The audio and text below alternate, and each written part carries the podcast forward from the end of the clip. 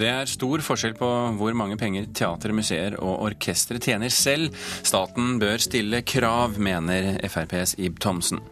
Den Paris-baserte kunstneren Pia Myhrvold gikk ikke til staten, men fikk folk til å finansiere sine nye smarte skulpturer.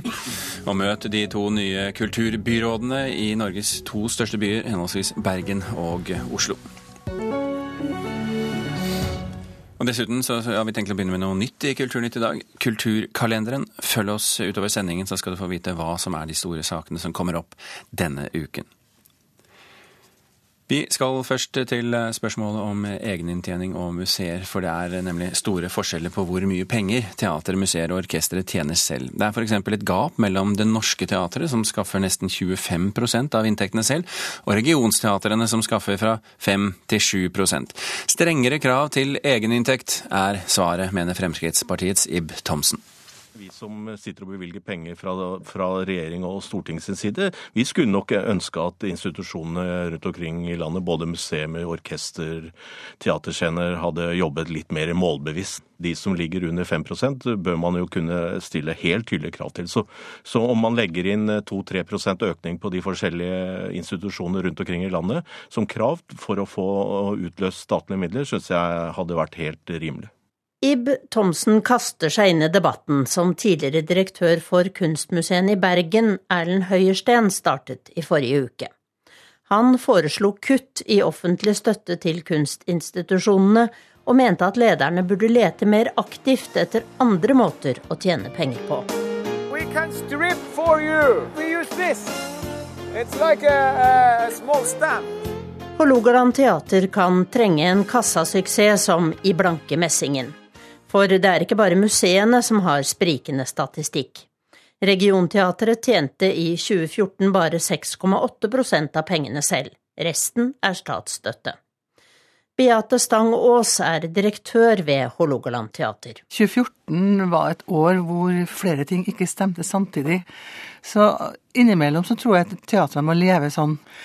Hålogaland teater har jo eh, jobba veldig aktivt med å kunne få eh, samarbeidspartnere. F.eks. i 2012. Da hadde vi eh, Le Miserable, og vi hadde eh, da en, eh, to samarbeidspartnere. Og eh, da var vi vel oppe i en 15 tror jeg, i 2012 som andel av eh, våre totale inntekter. Beate Stang Aas tror ikke statsstøtten er en sovepute, men kunne ønske seg mer støtte fra det lokale næringsliv. Fremskrittspartipolitiker Ib Thomsen tror det er mye inspirasjon å hente i utlandet. Kanskje man bør ta en studietur eh, til utlandet, til Århus, eh, til København, og se hva de gjør der. Teatersjef ved Det Norske Teatret, Erik Ulfsby, befinner seg i utlandet. Ikke på studietur, men for å sette opp Shockheaded Peter i Tyskland.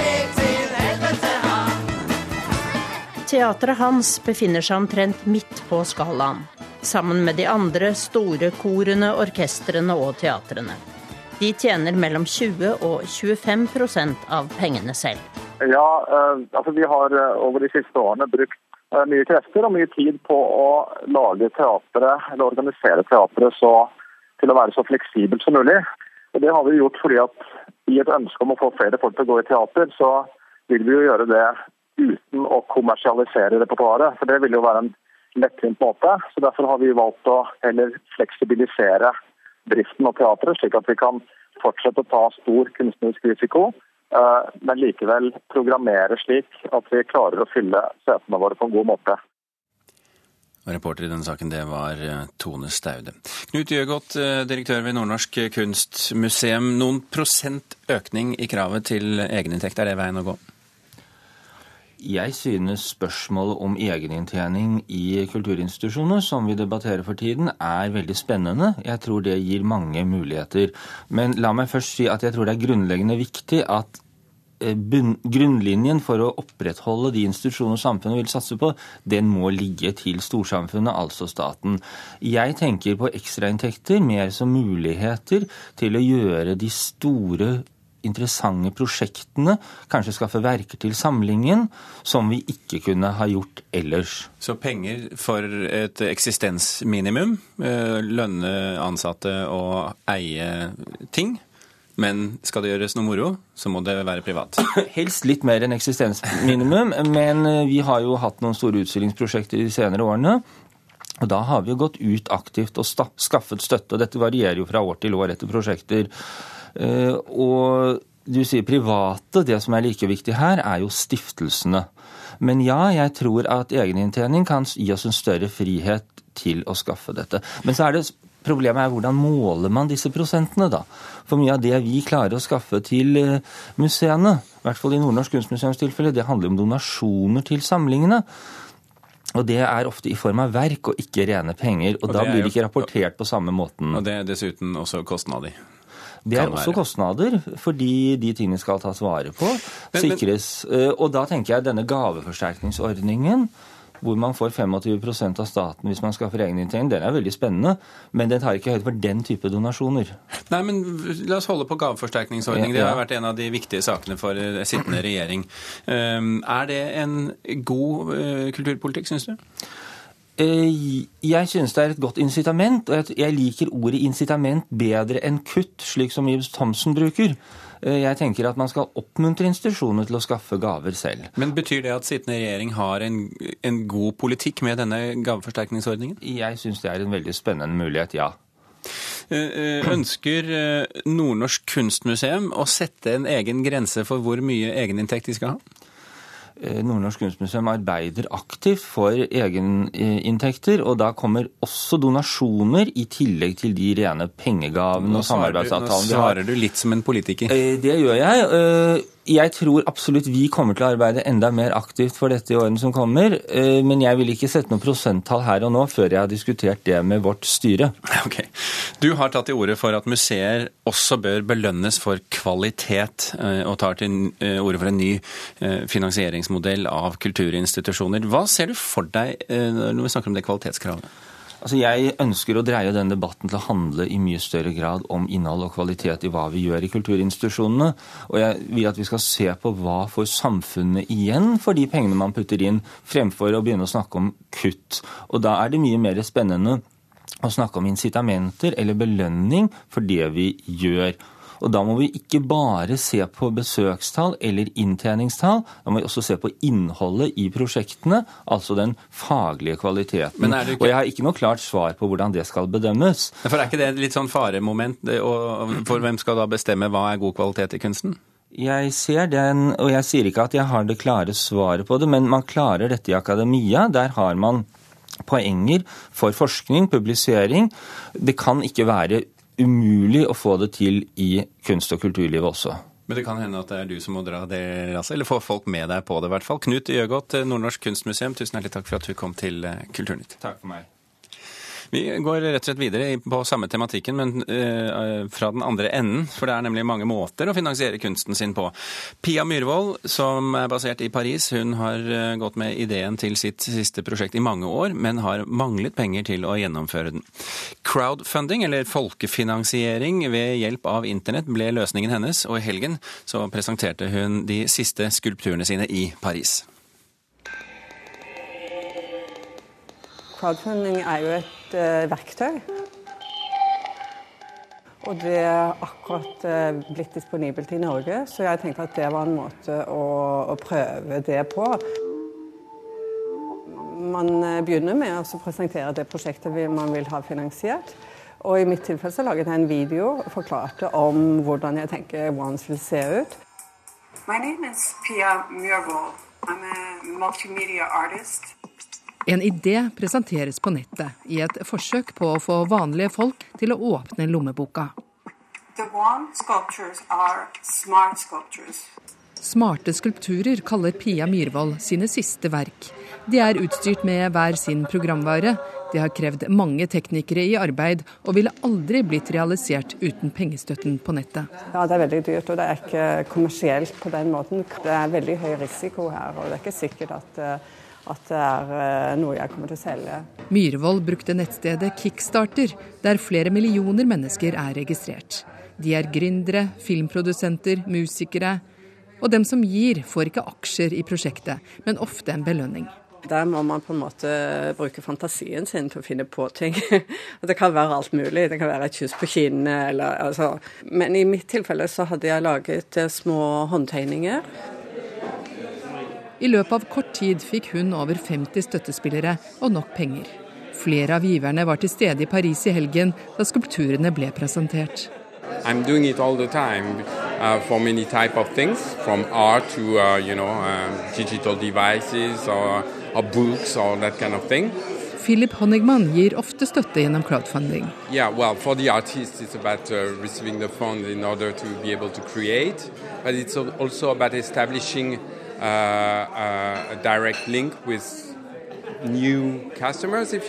det er også en måte å få kontakt med nye kunder. De kan få direkte kontakt med hverandre på en ny måte, sier han.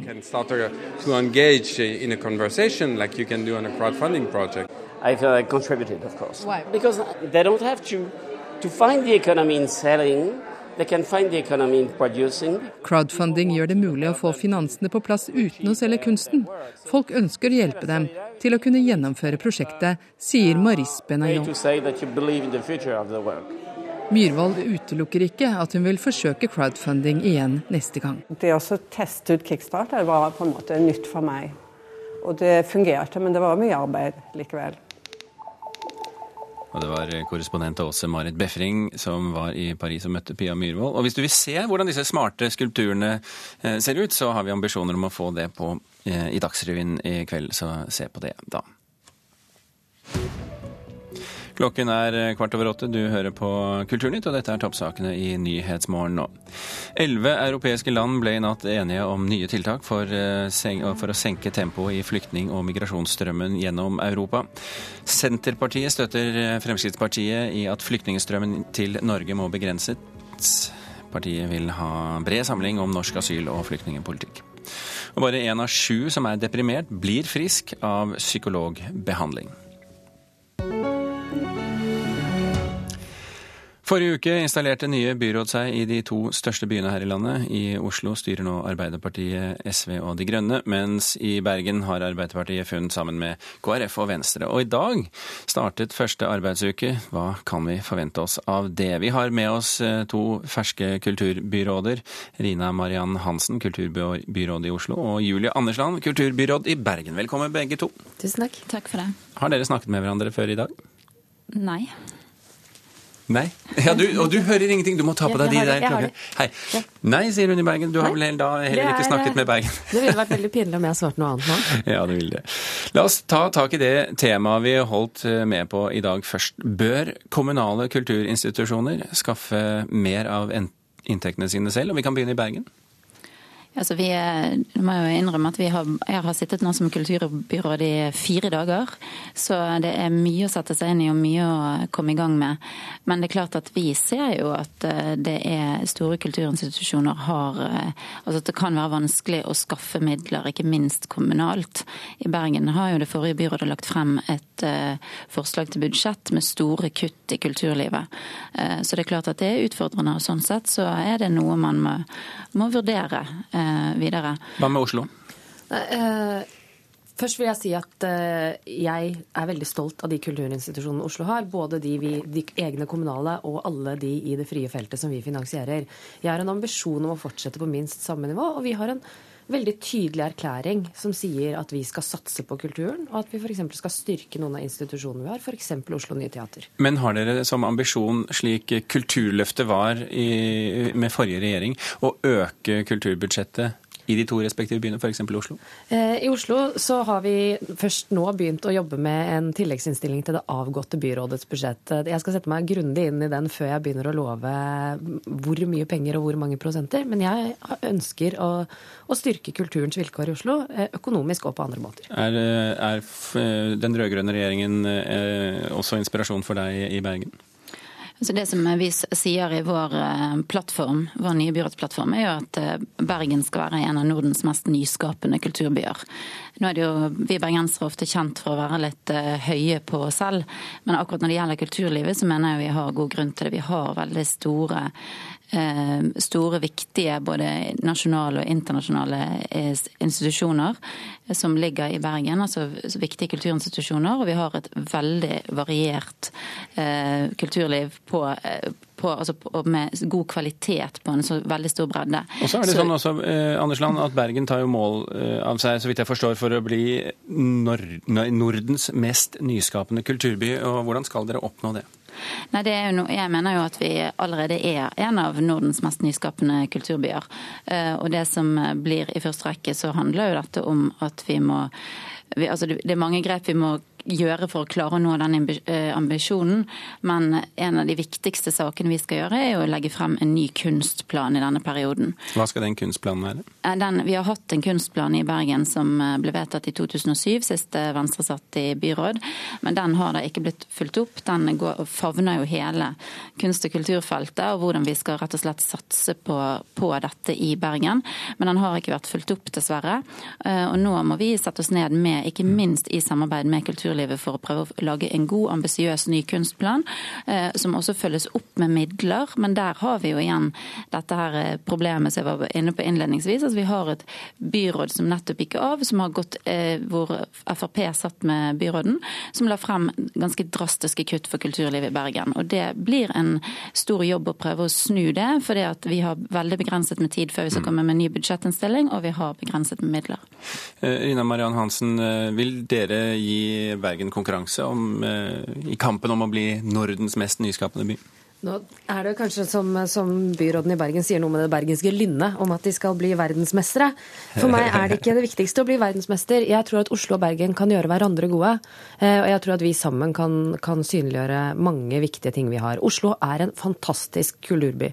Både med bredden, jeg er stolt av byens skolekorps. Jeg er stolt av at vi er en musikkby som man reiser til fra andre, andre land.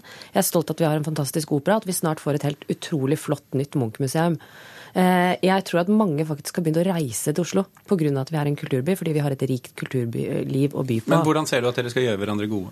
Nei, Hvis man først reiser, eh, hvis vi først skal, skal promotere byene våre internasjonalt, så tror jeg at vi kan gjøre det sammen.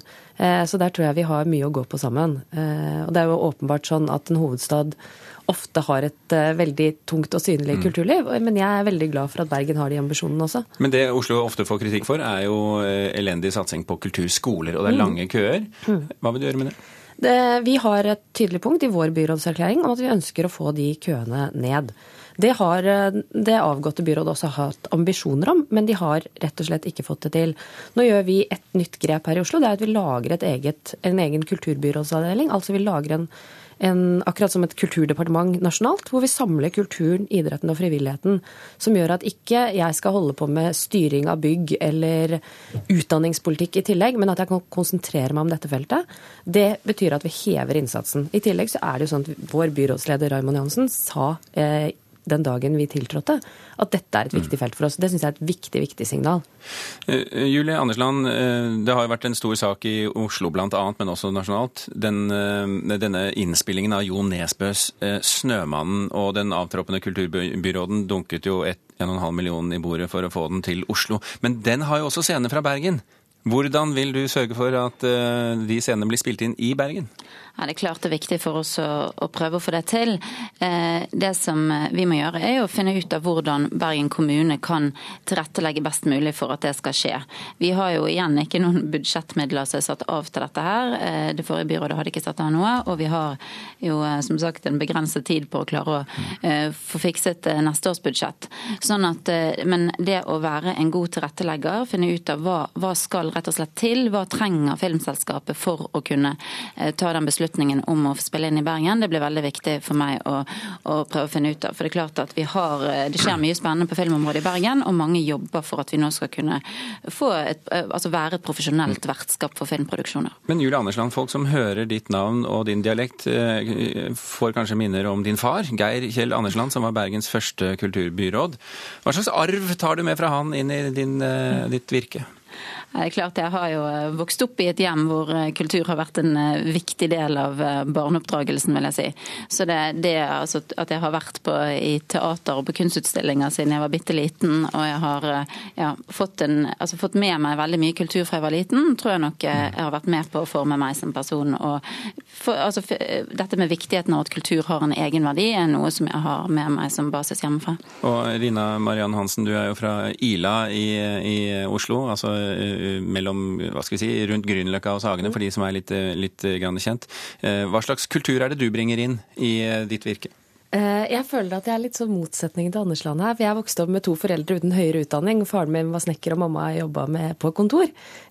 Og vi dro aldri på konsert, vi dro aldri i operaen. Men det som jeg har lært, er at jeg, jeg var masse på biblioteket. Eh, jeg hadde en lærer som lærte meg å elske sang, som viste meg musicals. Og jeg er så opptatt av at alle barn i Oslo får de samme mulighetene. At det ikke er foreldrene dine sin bakgrunn som gjør om du blir glad i kulturen, men at vi som kommune kan legge til rette for det. Det er mange muligheter som åpner seg når man blir kulturbyråd i hovedstaden. Eh, Rina eh, Mariann Hansen, tusen hjertelig takk for at du var med oss, og takk også til Julia Andersland, som var med oss fra Bergen.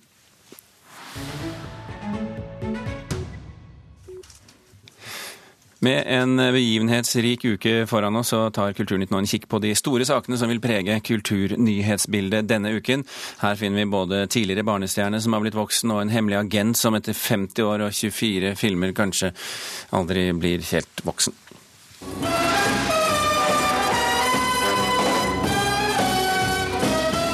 Agent 007 blir vanskelig å komme utenom denne uka. Den nye James Bond-filmen 'Spekter' har verdenspremiere i London i dag. Og mot slutten av uka er det premiere her i Norge. Nordisk råds litteraturpris 2014 går til Hegring 38 av Kjell Westø fra Finland. I fjor stakk finnene av med Nordisk råds litteraturpris. Kristine Næss og Jon Fosse er de norske nominerte når prisen deles ut tirsdag. Og Fosse har allerede innrømmet at han blir litt skuffa om han ikke får prisen. Onsdag starter rettssaken mot en mann i 20-årene som skal ha spredt stjålne bilder av jenter og unge kvinner på nett. Bilder som stammer fra bildedelingstjenesten Snapchat. Dette er første gang Kripos går til sak mot personer som har spredt intime bilder på nett.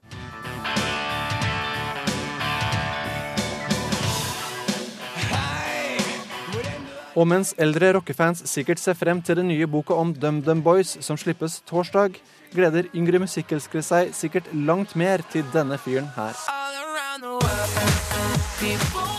Det er altså noen uh, ytterst få heldige som får oppleve Justin Bieber uh, live i Oslo denne uken. Det er altså en såkalt showcase-konsert for bransje og venner å bruke som promotering. Uh, men det blir jo en stor sak å få gutten til byen.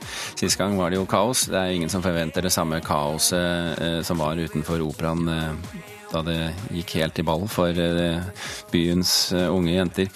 Vi eh, går derimot til, til den andre tingen vi snakket om her i dag, nå nemlig James Bond og Marte Hedenstad i Filmpolitiet her i NRK. Nå hørte vi litt fra, fra ja, Kanskje vi skal begynne med litt fra James Bond også, for å få litt stemningen her. Men Marte, her får vi litt Bond.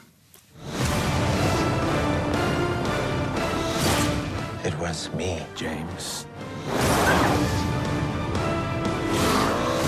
The author of all your pain.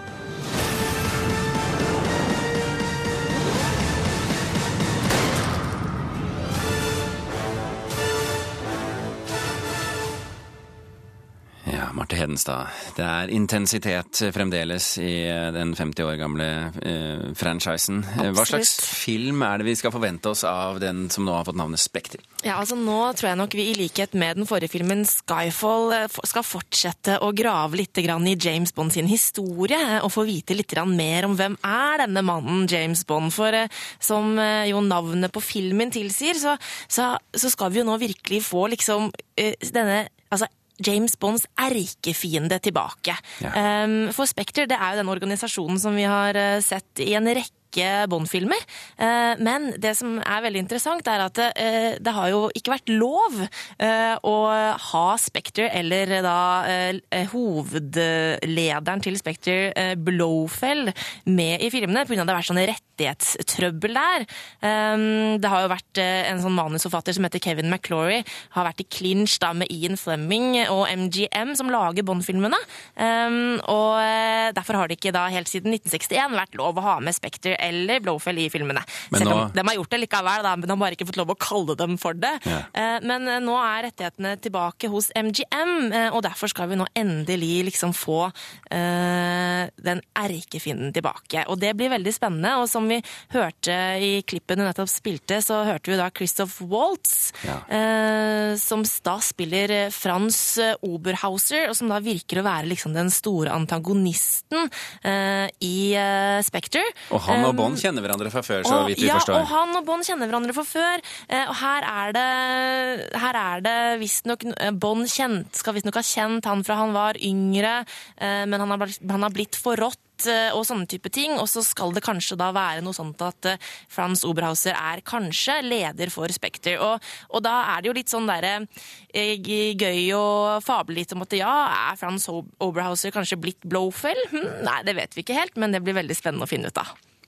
Men eh, dette, altså, eh, denne skuespilleren han er jo vant til å spille og er anerkjent for å spille psykopater på en ja. veldig god måte. Han er en strålende skuespiller, eh, og eh, jeg tror virkelig at eh, Christoph Waltz kan bli en god Bond-skurk.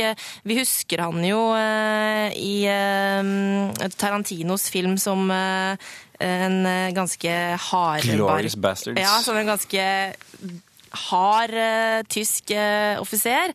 Uh, og um, jeg tror nok at han har den, den nerven mm. som gjør, gir liksom båndskurken det lille ekstra. Vi får se. Det ruller ut utover Europa og verden i denne uken. Bond-filmen altså. Så får vi se hva, det, hva, de sier når terningene skal rulles. Det var kulturkalenderen her i Kulturnytt. Hvis du syns den var fin eller har gode tips til hva vi bør ta med, gå inn på Kulturnytt-emneknaggen på Twitter. Thomas Alvarstein Ove og Birger Kålsrud Aasund takker for følget.